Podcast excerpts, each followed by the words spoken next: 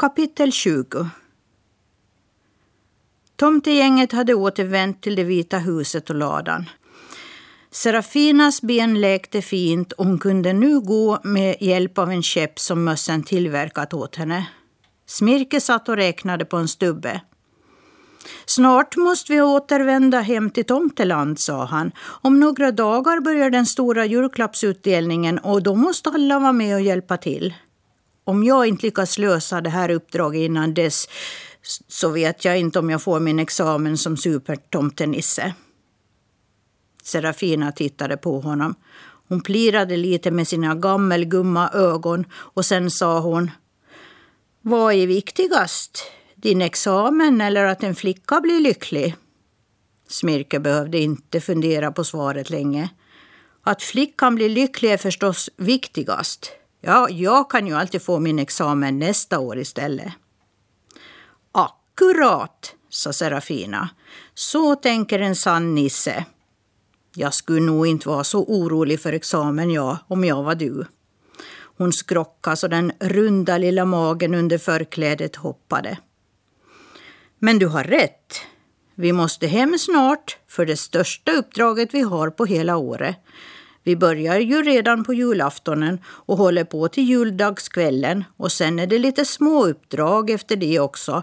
Men det är ju flera tomtekolonier som jobbar med de andra gåvotiderna i världen. Vi har vår stora vilotid i januari och februari. Jag tror att jag ska gå in i sovgrottan i år och sova till början av mars. För det här har varit lite jobbigt för en gammal gumma som mig.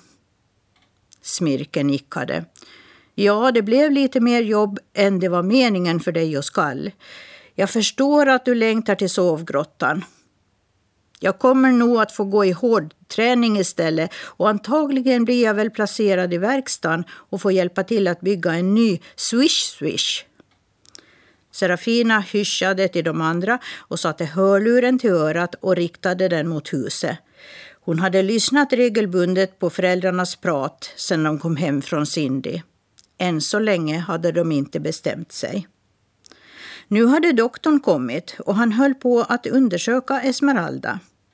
Han undersökte hennes rygg och ben och såg om hon kunde hålla balansen där hon satt på en smal pall.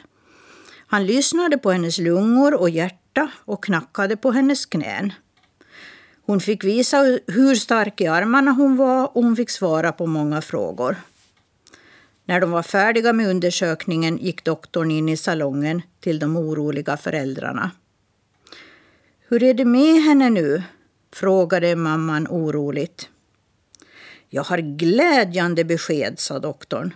Sen jag var här förra gången så har hon blivit betydligt starkare i kroppen och har en väldigt bra balans. Vi får fundera ut ett passligt träningsprogram för henne.